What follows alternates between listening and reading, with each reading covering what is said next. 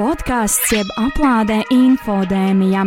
Ekspertu un studentu pieredze dezinformācijas laikmatā un vērtīgi padomi mediju pratības apgūšanai. Pirmdienās pulksten piecos radio nabēterā un mūzikas straumēšanas vietnēs.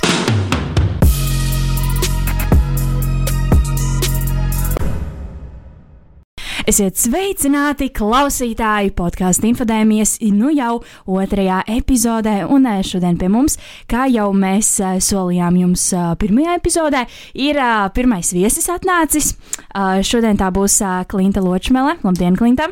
Labdien! Un uh, epizodi, epizodi vadu es. Mans vārds ir Elīna Krēmerē. Mani sauc Elīza. Es esmu Elza. Un, uh, un kas mēs tādas meitenes bijām? Mēs joprojām esam aktīvas Latvijas Universitātes sociālo zinātņu fakultātes studentes. Juhu!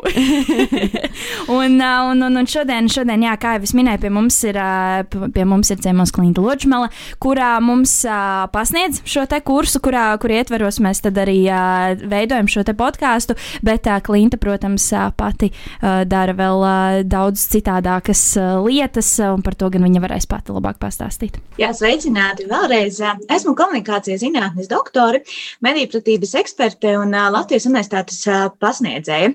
Uh, un paralēli arī pati uh, vadu un izstrādāju dažādus uh, mediju pratības projektus. Tas tāds īsais aprakstīns par mani, jo citādi tas stāsts būtu vairākos teikumos. uh, lieliski, jā. Varbūt tad arī sāksim.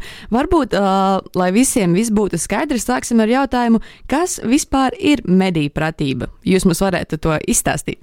Ar mediju pratību ir tā, ka, lai gan skaidrojums laika gaitā ir paplašinājies un krietni mainījies, tomēr tās kodolā ir palikušas tās pašas prasmes, kas jēdzienu izpratnē tika uzsvērtas jau pirms 30 gadiem. Proti, 20. gadsimta 90. gadu sākumā mediju pratība tika skaidrota kā cilvēka prasme piekļūt analizēt un uh, radīt informāciju ar kādu noteiktu uh, nolūku. Uh, šīs trīs lietas arī ir tās definīcijas kodolā pat labam, taču, ja man ir uh, pašai uh, jāsaka sava definīcija, tad es noteikti uzsvērtu, ka tā ir tā kritiskā informācijas uh, analīze uh, un arī uh, mediju pratīgs cilvēks uh, spēj um, apzināties, kā varbūt funkcionē mēdī, kādas ir ietekmes uz mēdījiem gan no politiķu, gan no ekonomikas, gan uh, dažādu tādu sociokulturālu notikumu puses. Un tāpat arī medīpratīgs cilvēks izprot, kāpēc mums ir vajadzīga vispār neatkarīga žurnālistika, kāpēc ir vajadzīga vārda brīvība. Proti, apzinās šīs tādas lielākas, konceptuālākas lietas par mēdījiem, ka tas nav vienkārši kā kārtējais bizness, bet ka mēdī ir tāda īpaša nozara, kas ir ļoti, ļoti svarīga vispār mums kā sabiedrībai un demokrātijas pastāvēšanai. Jā, mediju pratība laikam tomēr ir viens no tādiem kā pamatrīkiem, lai varētu vispār sākt lietot sociālos tīklus. Bet uh, kāpēc tad ir tik uh, svarīgi attīstīt šīs uh, mediju pratības uh, prasmes? Nu, droši vien tāpēc, lai cilvēks pats būtu tāds informācijas saimnieks, nevis ietu kāda pavadā. Jo tā ir ļoti laba iespēja būt neatkarīgam, neļauties tik viegli manipulācijām, jo mūsdienās tik daudzi grib ar mums manipulēt, gan reklāmu, lai pierunātu kaut ko iegādāties vai kaut kur doties influenceri, politiķi, un mēs varētu turpināt sarakstu tālāk. Tad medīpratība ir tā, kas ļauj šo informāciju izvērtēt kritiski un pieņemt pieņemt faktos balstītus lēmumus gan savā ikdienas dzīvē, gan arī tad, kad mēs dodamies uz vēlēšanām. Ļoti, nu jā, tas, tas ir tā, ka mēdī taču mums ir visapkārt, un sociālos tīklus tiešām tagad lieto ļoti, ļoti liels procents vispār visu pasaules iedzīvotāju. Līdz ar to mediju pratība šķiet tā kā tāds, tāda, nu, kā teikt, ne, ne pamatīpašība, bet kaut kas tāds, nu, kam ir jāpiemīt tā kā tiešām visiem, un, un, un, un, un, un bez tā, bez tā pilnīgi gribētos teikt, ka pat nevar dzīvot. Jā, ir tieši nu, tā ir tāda mūsdienu, mūsdienu pilsoņu viena no tādām uh, prasmēm, komplektiņām, kas tad ir nepieciešamas, lai, lai mūsdienās uh, varētu jā, izdzīvot. tieši tā, jā. Jā, es gribēju uzsvērt to, ko jūs teicāt, cik ļoti svarīgi ir izvērtēt visu informāciju kritiski. Ņemot vērā, ka mūsu var klausīties dažādu vecumu cilvēki, tāds diezgan vienkāršs jautājums, bet tomēr tas ir jānoskaidro, vai mediju pratību iespējams apgūt visos vecumos. Jā, noteikti.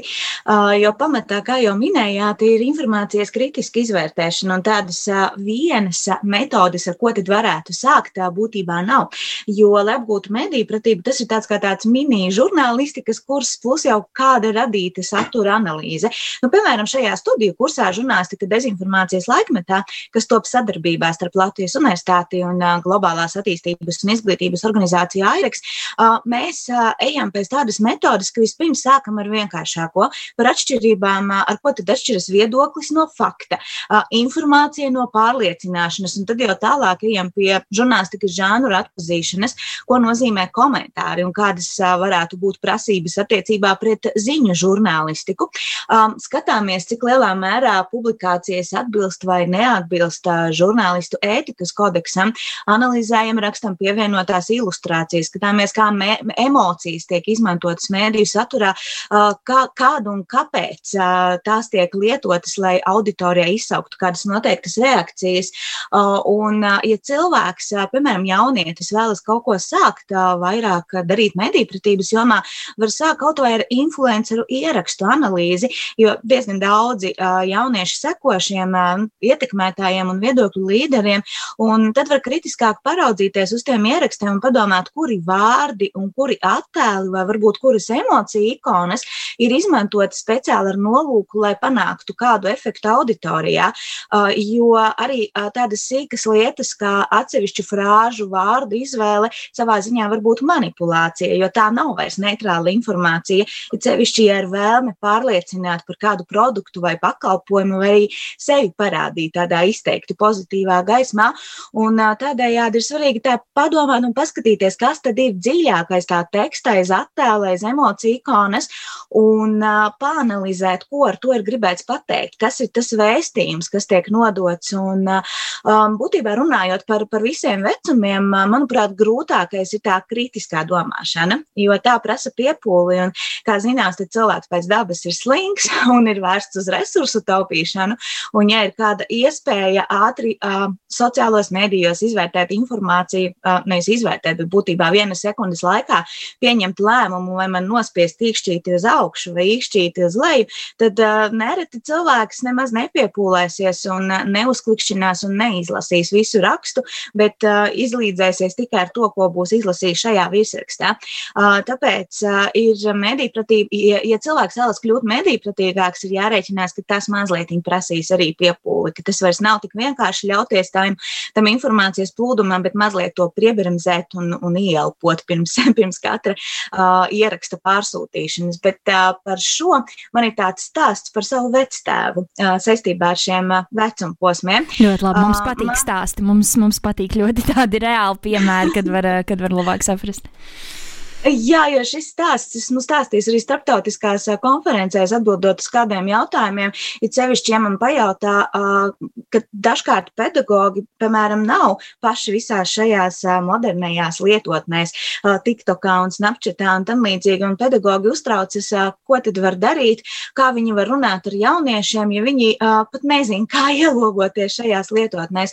Un tad es esmu stāstījis šo savu stāstu par vectēvu, kas parāda, ka nav tik svarīgi svarīgi pārzināt kādas modernās lietas, bet svarīgi ir izprast pašu principu, kā var tikt manipulēts ar informāciju, kā var tikt konstruēta tā realitāte, kuru mēs ieraugam kaut kur rakstā vai attēlā.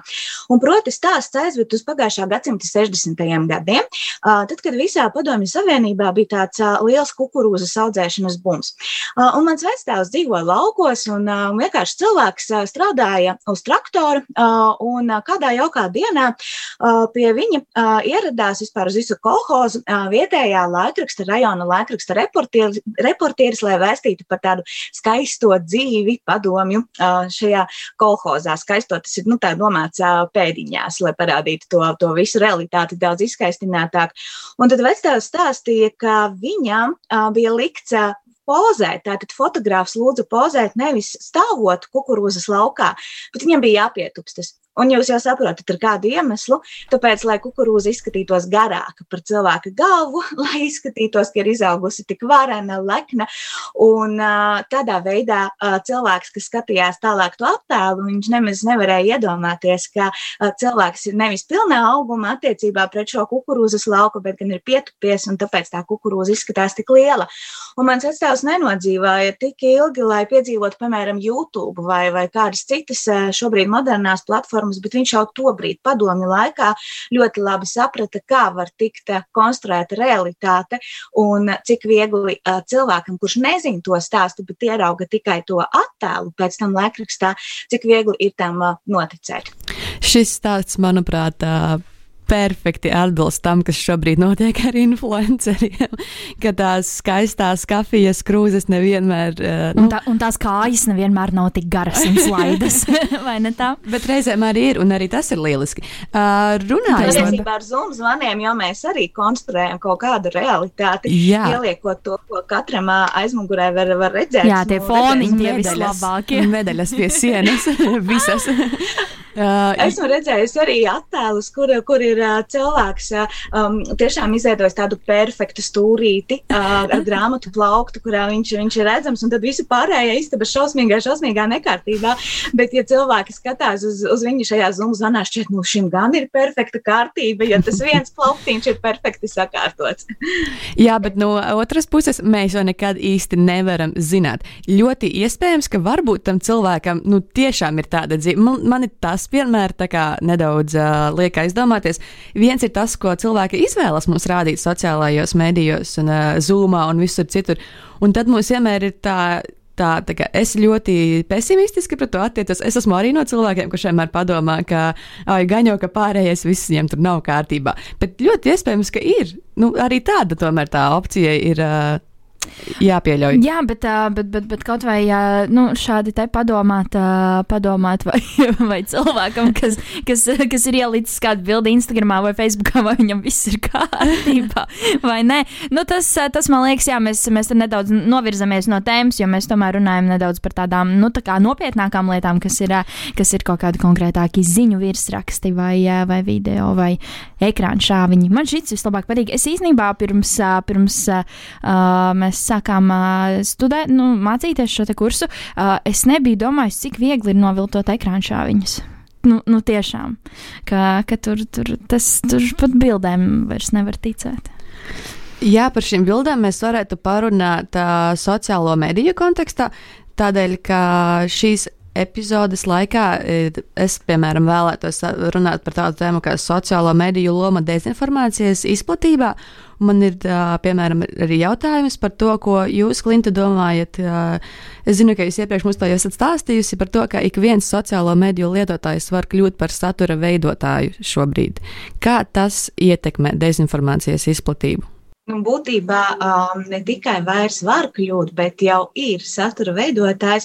Uh, jo pat tad, ja cilvēks pieregistrēs un it kā ieraksta, piemēram, Twitterī, ka viņš ir klusais lasītājs, jeb angliski silent reader, un pats saturu neveido, viņš tomēr piedalās savā ziņā satura veidošanā ar tām interakcijām. Ja viņš ieliek kaut kur sirsniņu, ja kaut ko kaut vai nošēro, tas arī tomēr uh, veido nu, tam saturam, piešķir kādu ekstra popularitāti, jo tagad jau tiek piedāvāts tas saturs augšpusē, kas ir pats, pats populārākais, un jau vairāk cilvēki būs kādam ierakstam salikuši tās sirsniņas, to, to tai skaitā arī šis klusais lasītājs, jo kāds ieraksts tiks izvirzīts tātad kā prioritārs, un faktiski ik viens pat, ja tikai lasa un kaut ko laiko arī, un pats neko neraksta, arī tad jau cilvēks piedalās tātad satura veidošanā, bet sociālajie mēdīji šobrīd ir tā ļoti lielā pātrinājumā veicinājuši to, ka dezinformācija var izplatīties ļoti strauji. Jo, piemēram, kā es arī esmu stāstījusi par sazvērstības teorijām un šīm konspirācijas teorijām, tas jau nav nekāds jaunums. Tādas bija pat vairākus gadsimtus iepriekš, un arī pagājušajā gadsimtā dažādi varianti un idejas, ka Elvis ir dzīvs, un um, arī par, par to, kā īsti ir vai nav notikusi Amerikas Savienoto Valstu prezidenta slepkavība un tam līdzīgi. Taču šīs sazvērstības teorijas toreiz vairāk nu, cirkulē tādā nelielā cilvēku lokā.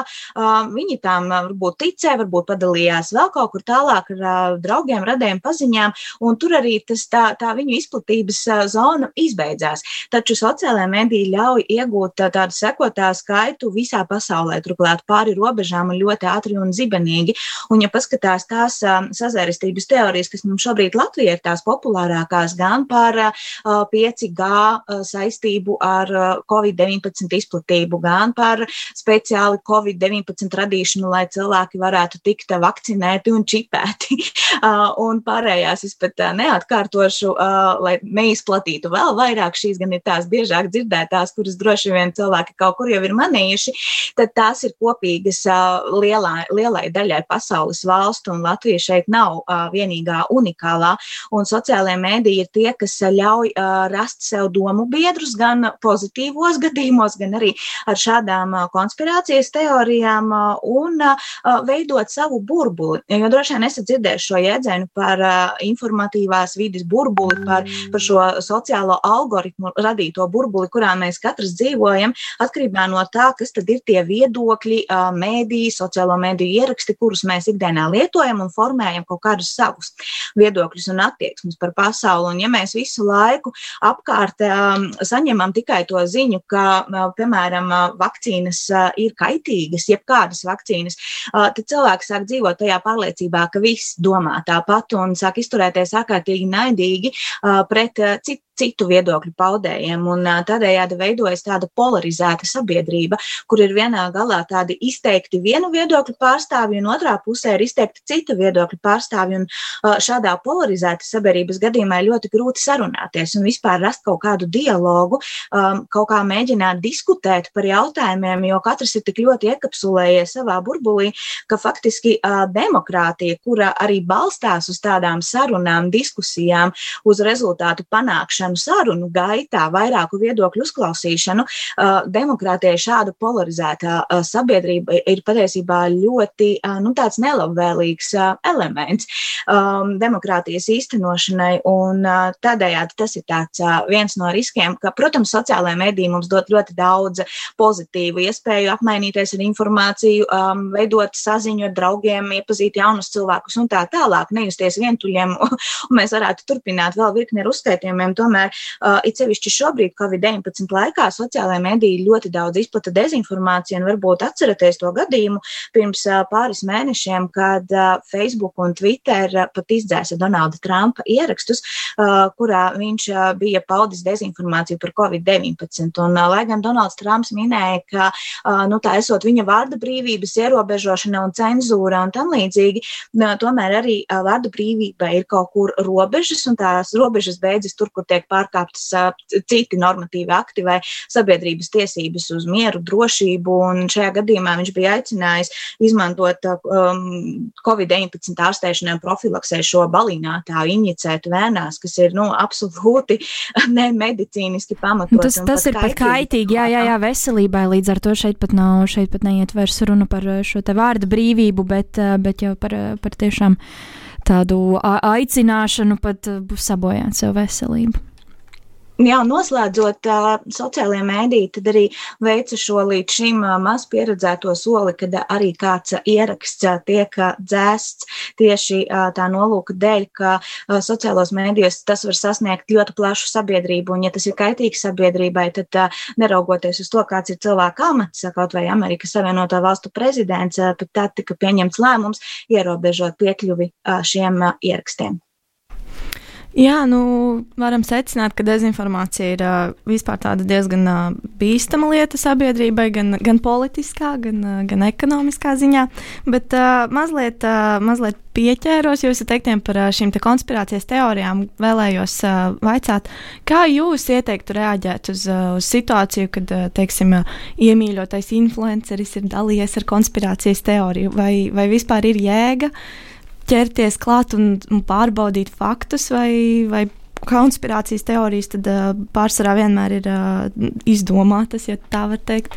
Es gan, es gan pavisam, pavisam ātri iespraudīšu to, ka mūs uh, nedaudz vēlāk arī uh, infodēmijā gaida uh, epizode, kurā mēs runāsim tikai un vienīgi par sazvērstības teorijām.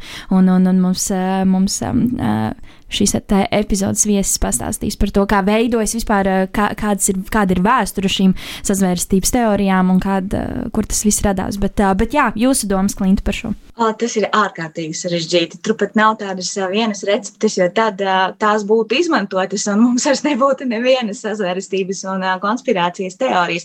Jo arī tās konspirācijas teorijas jau kaut kādā veidā var iegrupēt. Ir tādas, kas ir nu, diezgan nekaitīgas, nu, piemēram, plakanās zemes teorija. Nu, tas ir tā cilvēki var pasmieties par to mazliet, un, un, un viss, un ir daļa savukārt konspirācijas teorija, kas ir vērstas uz kaut kādu sabiedrības destabilizēšanu, tiešām uz kaitējumu nodarīšanu, um, aicinot izmantot, piemēram, vīrusu profilaksei kaut kādas lietas, kas varbūt sabiedrības veselībai ir, pat, ir pat kaitīgi.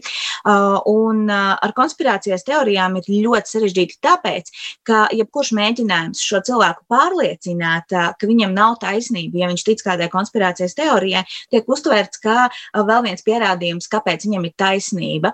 Ka, lūk, man ir taisnība, tāpēc mani mēģina apklusināt, bet tas ir tikai vēl viens pierādījums, kāpēc mani uzskati ir pareizi.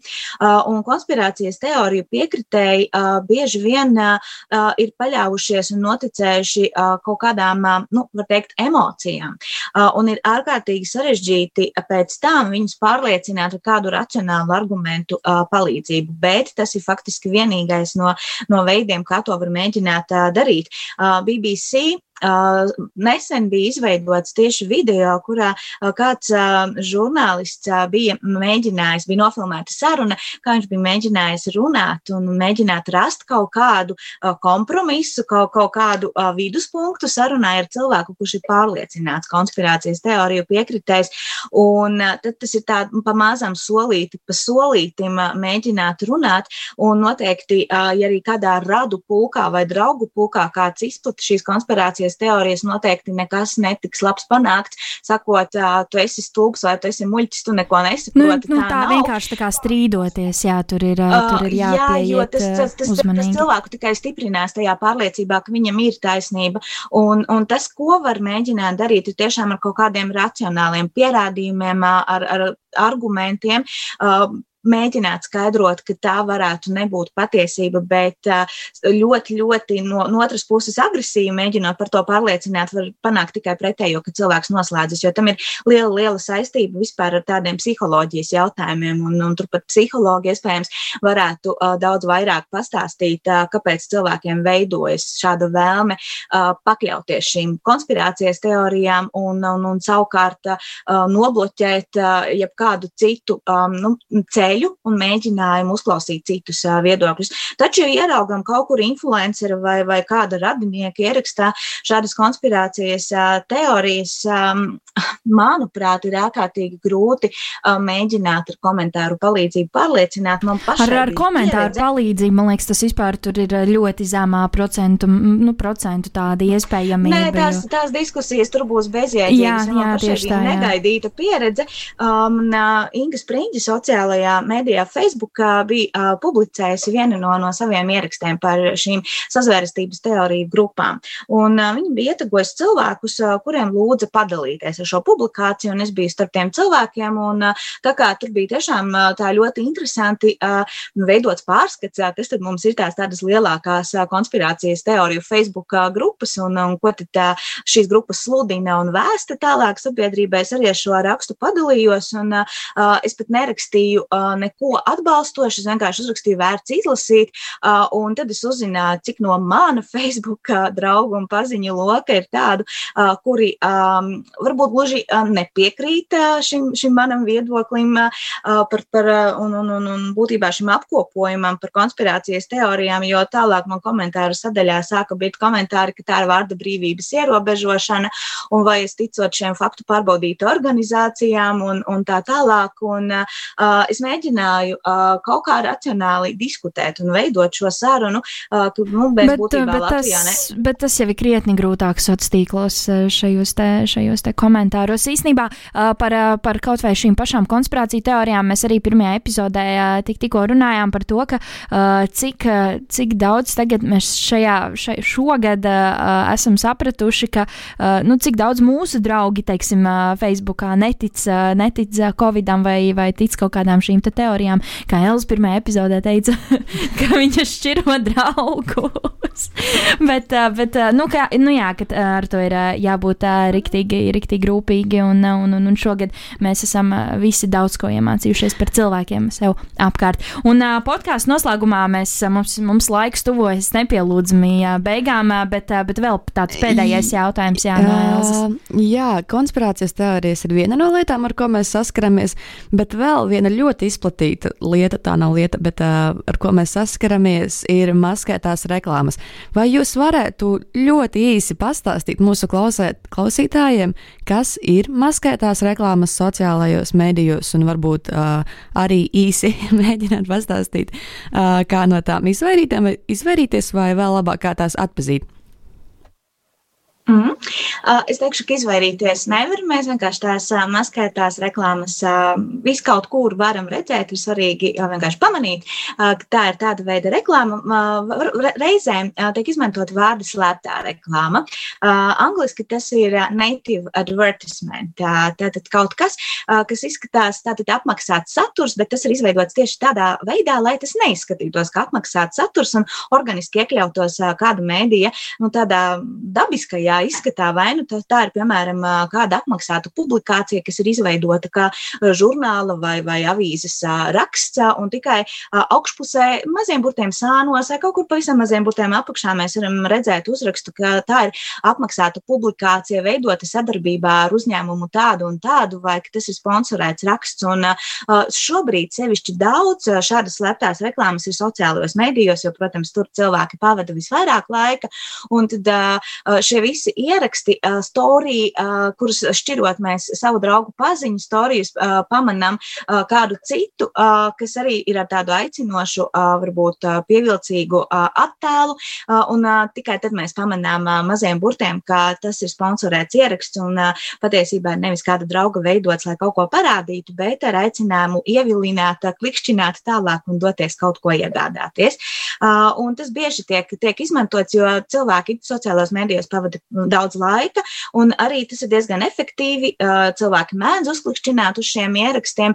Protams, nevienmēr šī slēptā reklāma ir negatīva, jo reizēm cilvēki iegūst informāciju, kas viņiem ir vajadzīga par kādām precēm, pakalpojumiem, taču ir svarīgi atpazīt, ka tā ir reklāma, jo reizēm tas izskatās kā žurnālistu veidots materiāls vai kā mūsu draugu veidot saturu sociālajos medijos, un tad mēs piemirstam tā kritiski aizdomāties par to, ko mēs ieraugam, jo mēs domājam, ka tā nav reklāma, lai gan patiesībā tas ir apmaksāts saturs. Nu, tad, nu jā, kritiskā domāšana ir arī, man liekas, mūsu tāds pagaidām visvairāk pieminētais jēdziens attiecībā pret, pret to, kā, kas, kas tad īsti ir mediju prātība, kā, kā mēs to arī mēdzam dēvēt. Tas ir, tas ir, tas ir prātīgi, prātīgi rīkoties šajā dezinformācijas laikmetā. Šodien pie mums mūsu podkāstā, jeb aplādē ar nosaukumu Infodēmija. Otrajā epizodē viesojās uh, Klimta Ločmēl. Paldies jums liels, kā atnāt, ka nevis atnācāt, bet pievienojāties mūsu tiešraides zvanam, jo, jo, jo mēs, mēs te pašlaik ievērojam visus epidemioloģiskos pasākumus un, un, un, un, un sarunājamies ar visiem viesiem attālināti. Paldies jums liels! Paldies, ka uzaicinājāt. Bija prieks pievienoties. Paldies! Arī jums kopā šodien bija Elza. Elīza. Un uh, mans vārds ir Elīna Krēmere. Paldies, ka klausījāties uh, mūsu podkāstu, jeb aplādes uh, otro epizodi. Un tiekamies jau nākamnedēļ, kurā runāsim ar uh, eksperti um, Ingu Nirbīti uh, par, uh, par, par ko Elza mēs runāsim. Trijos vārdos. Trijos vārdos pasaka, par ko mēs par runāsim. Par mediju pratības situāciju skolās. O, Tieši trīs vārdos. Oh, precīzi, precīzi. Bet, uh, bet tad līdz tam, lai jums visiem veiksmīga nākamā nedēļa, un tad tiekamies tiekamies jau nākamā nedēļa. Atā! Atā. podkāsts jeb aplādē infodēmija. Ekspertu un studentu pieredze dezinformācijas laikmetā un vērtīgi padomi mediju pratības apgūšanai. Pirmdienās pulksten piecos radio nabēterā un mūzikas straumēšanas vietnēs.